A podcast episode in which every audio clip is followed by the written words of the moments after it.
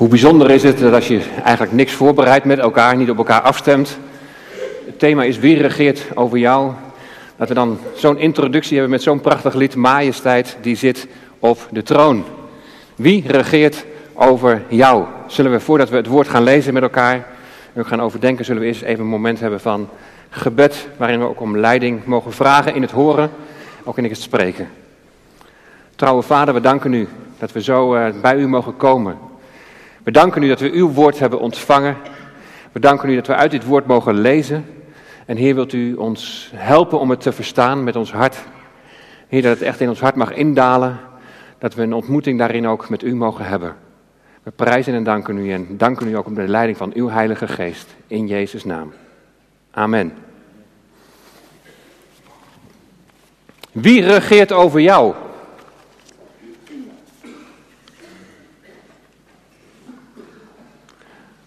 Majesteit die zit op de troon. En de vraag is vanmorgen, wie zit op de troon van jouw leven? En misschien is je eerste reactie wel, nou dat ben ik zelf. Ik regeer over mijzelf. Ik neem mijn eigen beslissingen. Ik bepaal wat ik wel of wat ik niet doe. Ik laat niet toe dat iemand anders over mij regeert. Nou, dat kan je uitgangspunt zijn. Maar de vraag is, is dat werkelijk zo? Weet je zeker dat je zelf de touwtjes in handen hebt? En dat niemand bepaalt wat jij wel of niet doet? Weet je, marketingmogelijkheden hand over hand toe. Durf jij te beweren dat jij daar niet door wordt beïnvloed? Ik zag op internet zag ik het volgende voorbij komen. Inspiratiesessies breinvriendelijk beïnvloeden. Dat is een cursus voor uh, ZZP'ers, voor zelfstandigen zonder personeel. En daar worden hun tien technieken geleerd om de ander te beïnvloeden en de ander te overtuigen van dat die ander wel jouw product moet nemen. Dat de ander overtuigd raakt van jouw verhaal. En ik denk dat wij veel meer dan dat wij beseffen, dat wij aan invloed, aan beïnvloeding onderhevig zijn. En de vraag van morgen is, wie regeert over jou? Is het wel mogelijk om helemaal zelf de touwtjes in handen te hebben? Is het trouwens ook wenselijk om zelf de touwtjes in handen te hebben? Nou, we zijn het er denk ik allemaal wel over eens dat er meer is tussen hemel en aarde. Nou, we gaan vanmorgen gaan we de beïnvloeding, die gaan we wat tillen naar een hoger niveau, naar een bovennatuurlijk niveau. Is er een bovennatuurlijke macht die over jou regeert? Een majesteit die zit op de troon. Wie zit op de troon van jouw leven? En we gaan daartoe lezen Marcus 12, vers 1 tot en met 12. Marcus 12, vers 1 tot en met 12.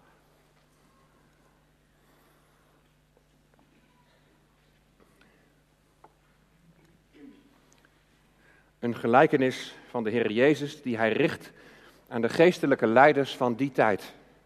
De overpriesters, de schriftgeleerden en de oudsten. en hij, Jezus, begon en hij, Jezus, begon tegen hen te spreken in gelijkenissen. Iemand plantte een wijngaard, zette er een omheining omheen, groef een wijnpersbak en bouwde een toren. En hij verhuurde hem aan landbouwers en ging naar het buitenland.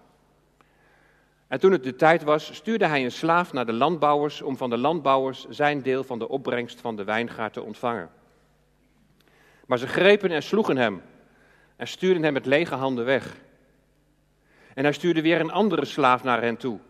En die stenigden zij. En ze verwonden hem aan het hoofd en stuurden hem weg nadat hij schandelijk was behandeld. En weer stuurde hij een andere en die doden zij. En vele anderen van wie zij sommigen sloegen en sommigen doden. Toen hij dan nog één zoon had die hem lief was, heeft hij ook die als laatste naar hem toegestuurd. En hij zei, voor mijn zoon zullen ze ontzag hebben. Maar die landbouwers die zeiden tegen elkaar, dit is de erfgenaam. Kom, laten wij hem doden en de erfenis zal van ons zijn. En ze grepen en doden hem en wierpen hem buiten de wijngaard. Wat zal dan de heer van de wijngaard doen? Hij zal zelf komen, de landbouwers ombrengen en de wijngaard aan anderen geven. Hebt u ook dit schriftwoord niet gelezen? De steen die de bouwers verworpen hadden, die is tot een hoeksteen geworden. Dit is door de Heere geschied. En het is wonderlijk in onze ogen. En ze probeerden hem te grijpen. Maar ze waren bevreesd voor de menigte. Want ze hadden begrepen dat hij die gelijkenis met het oog op hen gesproken had. En ze verlieten hem en ze gingen weg. Majesteit die zit op de troon. Jezus vertelt hier dus een gelijkenis. En hij gebruikt daarvoor een beeld uit het dagelijks leven in Israël in de eerste eeuw. In Nazareth, daar hebben ze een dorp nagebouwd uit die tijd. En op deze foto, die ik hier nu ga laten zien, zie je in één oogopslag de situatie van deze gelijkenis. Daarvoor aan de wijnpersbak, bij dat gat in de grond daar. Verder op die toren. En daar bevindt zich ook de wijngaard. En het was in die tijd was het gebruikelijk dat een eigenaar van een wijngaard de wijngaard verpachtte en dan van tijd tot tijd zo zijn opbrengst op ging halen. En dat is eigenlijk het verhaal, dat is de gelijkenis. En als Jezus een gelijkenis vertelt, dan, dan wil hij daar iets mee duidelijk maken. Hij wil een bepaald punt maken. Een belangrijke boodschap die, die in dit verhaal opgesloten ligt. Jezus heeft al verschillende gelijkenissen verteld en bij al die gelijkenissen is de kern van de boodschap is hetzelfde. Jezus die verkondigt, die preekt voortdurend hetzelfde. En het is het volgende wat hij zegt. Bekeer je, want het koninkrijk is nabijgekomen. Anders gezegd, het moment dat God zal regeren is nabijgekomen. En waar het in de gelijkenissen gaat, is, is de vraag: hoe krijg jij nou toegang tot dat koninkrijk? Hoe kom je nou zo ver dat God over jou gaat regeren? Dan begin je natuurlijk met de vraag die ik aan het begin al heb gesteld. Wil je wel dat iemand over jou regeert? En daar zit nu precies de kern van het probleem. De kern van het probleem bij de geestelijke leiders in die tijd. Het was al een probleem bij het hele volk. Al het hele Oude Testament door was dat de strijd. God wil koning zijn over zijn volk. Maar ze hebben de hele geschiedenis door steeds weer gezegd: laat het maar aan onszelf over. Ik geef je even een kleine schets van die geschiedenis. En dan gaan we zo even met een paar hele grote stappen gaan we zo even door het hele Oude Testament heen. En het, het, geeft een steuntje om even te begrijpen waar deze gelijkenis nou eigenlijk over gaat en welk punt Jezus wil maken. In Genesis 12, daar krijgt Abraham een roeping. God die geeft hem een belofte en hij zegt ik zal je tot een groot volk maken en hij geeft ook de belofte van land, een landbelofte. In Exodus 19, daar sluit God een verbond met zijn volk. Het volk is na jaren van slavernij in Egypte door het water gegaan. En ze zijn in de woestijn bij de berg Sinaï. En God die sluit een verbond met zijn volk en hij geeft ze de wet. En God die wordt vanaf dat moment steeds meer gezien als koning en als wetgever. Ook in Exodus 19, daar wordt duidelijk wat de roeping van Israël eigenlijk is. En God die zegt, dit volk is mij ten eigendom. En ze zullen een koninkrijk van priesters zijn. Dat betekent dat ze God zullen vertegenwoordigen op de aarde. Een priestervolk tussen God en de andere volkeren in. Ze zijn een heilig volk, zegt God. Ik heb ze afgezonderd. Ik heb ze een speciale plek gegeven. En dit volk dat gaat op weg naar het beloofde land waar God koning zal zijn. Althans, dat is de bedoeling. Dat is het vooruitzicht. Hij wil over zijn volk regeren om zo het volk de juiste weg te wijzen. Hij wil over het volk regeren om het volk te beschermen. Om het volk te helpen om de juiste keuzes te maken. En in Jozua, daar zien we dat ze het beloofde land ingaan. Ze ontvangen het land, maar het koningschap is nog, nog steeds toekomstig. Je ziet, we gaan steeds verder opschuiven in de Bijbelboeken. We komen bij de volgende, bij Richteren. En daar wordt wel duidelijk dat ze moeite hebben met het accepteren van Gods koningschap. Ze hebben moeite met dat hij zal regeren over zijn volk.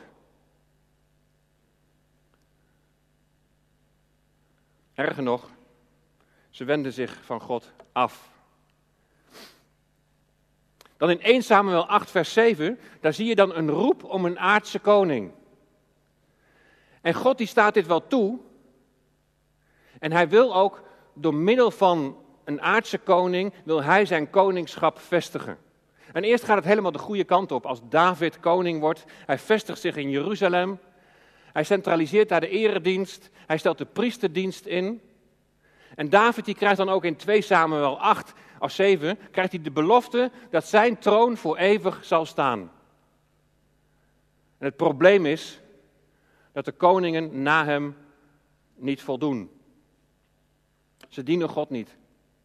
Ze willen zich niet door hem laten regeren. Erger nog, ze wenden zich tot de afgoden. En God die stuurt dan keer op keer stuurt hij profeten. Dat zijn dan weer de volgende Bijbelboeken. Hij stuurt dan de profeten naar het volk om het volk op te roepen om tot God terug te keren. Om zijn regering te accepteren. Ze roept het volk op om terug te keren, ook naar het model van David. Maar ze luisteren niet. Een van die profeten, dat is Jezaja. En die schrijft een lied. En het zou me niet verbazen als die geestelijke leiders in de tijd van Jezus aan dit lied moesten denken toen Jezus hen deze gelijkenis vertelde. En ik ga het lied met jullie samen lezen. Een lied dat zo'n 600 jaar voor die gelijkenis al geschreven is. Jezaja 5, vers 1 tot en met 7. En dan lezen we het volgende. Ik wil graag voor mijn beminde zingen. Een lied van mijn geliefde over de wijngaard, over zijn wijngaard. Mijn beminde had een wijngaard op een vruchtbare heuvel.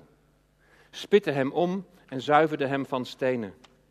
Hij beplantte hem met edele wijnstokken. In het midden ervan bouwde hij een toren en hakte ook een perskuip daarin uit. Zie je precies hetzelfde beeld. Hij verwachtte dat hij goede druiven zou voortbrengen, maar hij bracht stinkende druiven voort. Nu dan, inwoners van Jeruzalem en mannen van Juda, oordeelt toch tussen mij en mijn wijngaard. Wat is er nog meer te doen aan mijn wijngaard dan wat ik eraan gedaan heb? Waarom heb ik verwacht dat hij goede druiven zou voortbrengen, terwijl hij slechts stinkende druiven voortbracht? Nu dan. Nu dan, ik wil u graag bekendmaken wat ik met mijn wijngaard ga doen. Ik zal zijn omheining wegnemen, zodat hij verwoest zal worden. Ik zal een bres slaan in zijn muur, zodat hij vertrapt zal worden. Ik zal er een wildernis van maken. Hij zal niet gesnoeid worden of geschoffeld, maar doornen en distels zullen hij opschieten. En ik zal de wolken gebieden geen regen erop te laten neerkomen. Want de wijngaard van de heren, van de legermachten, is het huis van Juda. En de mannen van Juda zijn zijn lievelingsplant. Hij verwachtte goed bestuur, maar zie, het werd bloedbestuur. Gerechtigheid, maar zie, het werd geschreeuw. De wijngaard, het is het huis van Israël. Het volk zelf is de wijngaard. En je had in die tijd had je een Noordrijk en een Zuidrijk. En dat Zuidrijk, dat is Juda met als hoofdstad Jeruzalem. En God noemt de mannen van Juda, die noemt hij zijn lievelingsplant. En God verwachtte dat daar goed bestuur zou zijn. Maar wat zo goed begonnen was met David, is door de meeste van zijn opvolgers weer afgebroken. En Jezaja die profeteert dit zo'n 600 jaar voor de gelijkenis die we hebben gelezen. En het gevolg was toen, in de tijd van Jezaja, dat het volk werd weggestuurd in ballingschap naar Babylonië. Je ziet hier hoe groot dat rijk was. Ze worden weggevoerd naar Irak. Wat was het probleem? De wijngaard bracht geen goede vruchten voort, stinkende druiven. En de leiders die worden hier verantwoordelijk voor gehouden. De opbrengst die beantwoordt niet aan de zorg die de eigenaar aan de wijngaard heeft besteed. Het is een aanklacht tegen God en tegen de leiders. Tegen de mannen van Juda. En hij beslist dat de wijngaard zal worden verwoest. En dat is gebeurd. Nebukadnezar verwoest Jeruzalem. Hij verwoest de tempel en het felle volk wordt weggevoerd in ballingschap. Daar keert een deel in, na 70 jaar wel weer uit terug. Maar het is niet bepaald een bloeiperiode. De stad en de tempel die worden wel herbouwd, maar er is nog lang geen geestelijk herstel. En dan met name in de periode tussen het Oude en het Nieuwe Testament, we noemen dat ook wel de intertestamentaire periode, daar wordt de roep om de Messias, de roep om een goede koning, wordt steeds sterker en sterker. Ze zitten met het traumatisch verleden van de ballingschap en ze roepen nu om een, om een goede koning. Ze willen toekomst, ze willen weer vooruitzien. Ze, er is verlangen naar herstel, er is verlangen naar bloei in hun leven. De roep om een goede koning, die zij de Messias noemen, die wordt steeds groter en groter. En dan komt de Messias, die zoals voorzegd in Micha in Bethlehem geboren wordt, en dan wordt hij afgewezen. Dan, dan moeten ze hem niet. En de tegenwerking komt vooral vanuit de leiders van het volk. En dat is wat Jezus duidelijk wil maken in deze gelijkenis uit Marcus 12. Je ziet de hele geschiedenis die ik net geschetst heb, die zie je eigenlijk als het ware voorbij komen. De eigenaar van de wijngaard, God die de eigenaar is van Israël, hij komt het deel van zijn opbrengst ophalen. En bij opbrengst dan moet je niet denken aan een zak met geld, maar bij opbrengst moet je denken aan vrucht. In hoeverre zijn zij een koninkrijk van priesters? Laten zij als priesters het licht schijnen in deze wereld voor de volken opdat de volken zien en weten hoe groot en machtig en barmhartig hun God is. Blijkt uit hun dagelijkse handel en wandel dat zij een heilig volk zijn, een afgezonderd volk dat geroepen is om de grote daden van God te verkondigen in deze wereld. De vrucht is dan niet de hoeveelheid werk die zij daartoe verzetten, maar dat uit hun leven blijkt dat ze aan hun God toegewijd zijn dat uit hun leven blijkt dat God over hen regeert. Dat de majesteit zit op de troon van hun leven. En de hele geschiedenis door zie je dat de leiders, dat de koningen, dat ze er een potje van maken. En keer op keer worden de profeten gestuurd. Uiteraard doelt Jezus daarop als hij zegt dat slaven erop uit worden gestuurd om de opbrengst op te halen. Ze worden mishandeld. Ze worden zelfs gedood. De leiders luisteren niet naar de waarschuwingen van de profeten, die keer op keer weer klinken. En tot slot stuurt de eigenaar zijn eigen zoon. God stuurt zijn zoon. Hij stuurt zijn zoon naar de verloren schapen van het huis van Israël. En zo staat Jezus te praten met de geestelijke leiders van die tijd.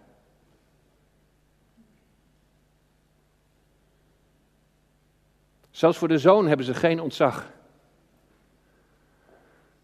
De leiders snappen dat het over hen gaat. Ze grijpen hem. Ze doden hem. Werpen hem weg buiten de wijngaard. En dat is precies wat met Jezus, de zoon van God, is gebeurd. Ze hebben hem gegrepen. Ze hebben hem gedood. In Hebreeën 13, vers 12, daar staat dat hij buiten de poort heeft geleden. Jezus buiten de poort. Buiten de poort van de stad Jeruzalem gekruisigd. En hier zie je hoe Golgotha eruit kan hebben gezien. En dan lijkt het allemaal voorbij. De pachters, het volk, de leiders, ze hebben gefaald. Ze hebben geen vrucht voor de landman voortgebracht. Ze accepteren de zoon niet. Ze accepteren Jezus niet. Hij niet op de troon. En dan loopt het niet goed af. Hij niet koning, dan geen toegang tot het koninkrijk. Wie regeert over jouw leven? Wie mag over jouw leven regeren? Ze doden de zoon. Ze wijzen Jezus af. Maar het is niet einde verhaal. God geeft niet op. God geeft het ook nooit op met jou. Het is juist de start van een nieuw begin. Jezus vergelijkt zijn sterven namelijk met een graankorrel die in de aarde sterft. Hij zegt in Johannes 12, vers 24: Als de graankorrel niet in de aarde valt en sterft, dan blijft hij alleen. Maar als hij sterft, dan brengt hij veel vrucht voort. En het vrucht voortbrengen, daar ging het toch om, ook in deze gelijkenis. Hij komt zijn opbrengst halen. In hoeverre is er vrucht? De graankorrel moet de grond in en blootgesteld worden aan vocht en zo afgebroken worden. En de Heer Jezus noemt dit sterven het sterven van de graankorrel. De les is dat als jij wilt vrucht dragen, als je een zinvol leven wilt hebben tot eer van God. Dus als jij wilt vrucht dragen, als je een zinvol leven wilt hebben tot eer van God, dan moet je eerst sterven. In Jezus voetspoor gaan betekent Jezus volgen in zijn sterven. In zijn sterven, dan nam hij alles wat jou van God scheidt, al jouw zonden nam hij op zich. Aan het kruis verslaat hij de macht van de duisternis. De Satan die over jou wil regeren. De macht die jou beïnvloedt als je Jezus niet kent, ook al heb je dat niet in de gaten. Die macht die er alles aan doet om jou bij God vandaan te trekken.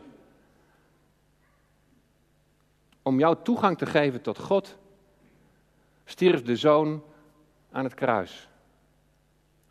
En als jij hem daarin volgt, en door in hem te geloven, dan word jij geschikt gemaakt om in Gods tegenwoordigheid te kunnen zijn. De ondergang in het water symboliseert jullie begrafenis. De graankorrel die in de aarde sterft. De tijd dat je nog over jezelf regeerde. De tijd dat je leefde onder de invloed van Gods tegenstander. Die tijd is voorbij. Die oude mens, die is gestorven. En dat laten jullie zo meteen in het waterbad, laten jullie dat symbolisch zien.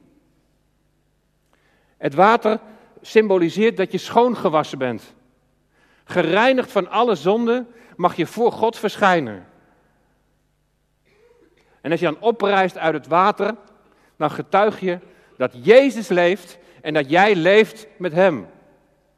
Je getuigt dat Jezus regeert over jou. En dat mag je aan iedereen, mag je dat zo straks laten zien.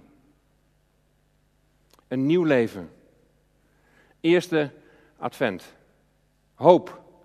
Verwachting. Je leeft met een geweldige hoop.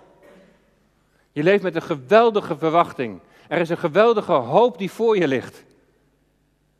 In Jezus Christus zal heel de schepping worden hersteld. De schepping samen met hen die zich, die zich stellen onder de regering van God. Als je over jezelf regeert, als dat al zo zou zijn, als dat mogelijk is, dat je zelf de touwtjes in handen kunt houden, dan is dat nog maar beperkt tot het einde van dit leven. Dan is het nog maar tijdelijk. Of tot het moment dat Jezus komt. Want ook in die verwachting leven we. En hij komt spoedig. God wil over jou regeren. En naar zijn volk verwoordt hij dat zo bijzonder. In Matthäus 23, vers 37. En laat deze woorden maar bij je binnenkomen.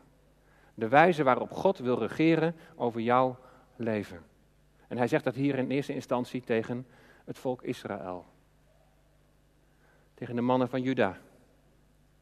Matthäus 23, vers 37. O Jeruzalem, Jeruzalem, u die de profeten doodt en stenigt, wie naar u toegezonden zijn. Zie je, dat is weer dat beeld van die gelijkenis van Marcus 12. En dan staat er, hoe vaak heb ik uw kinderen bijeen willen brengen? Op de wijze waarop een hen haar kuikens bijeenbrengt onder haar vleugels, maar u hebt niet gewild. God is geen dictator die uit is op macht voor zichzelf. Maar hij wil voor jou zorgen. Hij wil jou beschermen. Hij wil jou op de goede weg leiden. Zo wil hij over jou regeren. Nou zou je niet willen dat er zo over jou geregeerd wordt? Zo in deze zin, zoals het hier beschreven staat? Dat je je kunt overgeven aan een liefdevolle vader die van je houdt, die je koestert. Een vader bij wie je rust en bij wie je je vrede mag ervaren. Een vader die er altijd is. En hij nodigt jou uit. En weet je wat de weg is naar de Vader? Jezus zegt: Ik ben de weg en ik ben de waarheid en ik ben het leven. Jezus heeft gezegd: Niemand komt tot de Vader dan door mij. Hij die als een graankorrel is gestorven, opdat hij vrucht zou voortbrengen. En hij wil dat jij die vrucht bent. Hij wil regeren over jou. Hij wil jou ook onder zijn vleugels, onder zijn bescherming, onder zijn koestering, onder zijn liefde. Hou jezelf de touwtjes in handen. Geef je ongemerkt gelegenheid aan de machten van de duisternis om jou verloren te laten gaan voor God de Vader. Hij wil jou niet verliezen. Hij wil je redden. Hij wil dat je rust en vrede in je hart zult ervaren. Hij wil je ogen openen voor een hoopvolle toekomst. Een toekomst die veel verder gaat dan alleen maar dit aardse leven hier en nu. Hij wil jou niet verliezen. Wie regeert over jouw leven? Zonder Jezus geen verwachting. Althans niet over de grens van dit leven heen. Maar met Jezus toekomst. Wie regeert over jouw leven? En we gaan zo meteen getuigenissen horen van de dopelingen. Die zich ook onder Gods regering hebben gesteld. Die zeggen, Jezus, regeer over mijn leven. Jezus, wees koning over mijn leven. We waren een tijdje geleden bij onze zuster Tini Lok. Alle, beide benen zijn geamputeerd. Ze is linkszijdig verlamd. En daar ligt ze in haar bed. En dan open je het woord en dan ga je uit de Bijbel lezen. En dan gaat die ene hand die gaat zo omhoog. Ik denk, wat een prachtig beeld van iemand die zegt, Jezus regeert over mijn leven. Ik kan zelf bijna helemaal niets meer, maar ik vertrouw op Hem. Wat is er voor de jeugd een prachtig Alfa weekend geweest. Waar ook stappen zijn gezet, waar ook jongeren hebben gezegd, ik wil leven onder de regering van God. Onder de regering van de Heer Jezus. En wat een feest dat ze dat zo met elkaar mochten beleven. Wat een feest in de hemel. Wie regeert over jou? Wil jij ook komen onder zijn vleugels en vergeving van zonde ontvangen? En zeggen aan het kruis, aan het kruis geef ik, gaf u alles aan mij. U schonk mij vergeving. En u bracht mij in de relatie met de Vader. Wat zou het geweldig zijn als je het volgende mee zou kunnen zingen. En jullie mogen alvast uh, komen en uh, gaan beginnen met een prachtig lied dat we samen gaan zingen. Wat zou het geweldig zijn als je het volgende mee zou kunnen zingen. Een boog in de wolken als teken van trouw staat boven mijn leven en zegt: Ik ben bij jou. In tijden van vreugde, maar ook van verdriet, ben ik bij u veilig, u die mij ziet. Het laatste vind ik zo mooi. Ben ik bij u veilig? Weer dat beeld van die hen die zo de kuikentjes verzamelt onder zijn vleugels. Veilig bij hem. Mag ik nog even terug?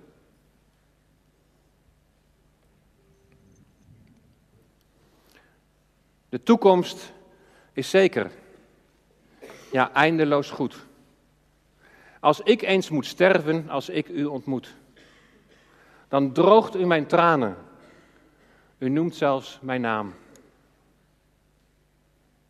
U blijft bij mij, Jezus, en laat mij niet gaan. Met Jezus is er toekomst. Ook na je sterven. En de vraag is, wie regeert over jouw leven? Verlang je ook naar vrucht voor de landman? Dat God de eer krijgt in jouw leven die hem toekomt? Weet je, dat kun je niet uit jezelf. Dat kan alleen in gemeenschap met Jezus, die je door de Heilige Geest in je wil uitwerken. Jullie gaan niet alleen. De Heer gaat met jullie mee. Zijn geest woont in jullie en wil jullie helpen om vrucht voor te brengen. Dat je gaat veranderen naar het beeld van de Heer Jezus, dag aan dag tot die grote dag aanbreekt en we bij Hem zullen zijn. Ieder die komt en zegt, Heer Jezus, u bent de Zoon van God. Heer Jezus, vergeef mijn zonde, reinig mijn hart. Maak mij schoon opdat ik voor de Vader kan verschijnen. Wie dat zegt en beleidt, die sterft in het sterven van Jezus. Wie dat zegt en beleidt, staat op in de opstanding van Jezus. En die kan met ons zingen. O naam alle namen, aan u alle eer. Niets kan mij ooit scheiden van Jezus mijn Heer. Geen dood en geen leven, geen moeite of pijn. Ik zal eeuwig zingen en heel dicht bij u zijn. Mag die liefdevolle Vader, mag de Heer Jezus, mag Hij koning zijn in jouw leven? Heb jij gebogen voor Hem en zegt, Heer, kom op mij, reinig mijn hart en vul me met uw Heilige Geest. Een onderpand voor een eeuwige erfenis. Wat een uitzicht. Blijf niet beperkt door dit aardse leven. Ga over de grens van dit leven heen. Ik sprak net nog iemand die komende week uitslag krijgt van een onderzoeken. En die zei: Natuurlijk hoop ik dat alles goed is. En het is een hele strijd om als het niet goed zou zijn, want je moet heel veel loslaten. Maar de andere kant is: het kan alleen maar beter worden.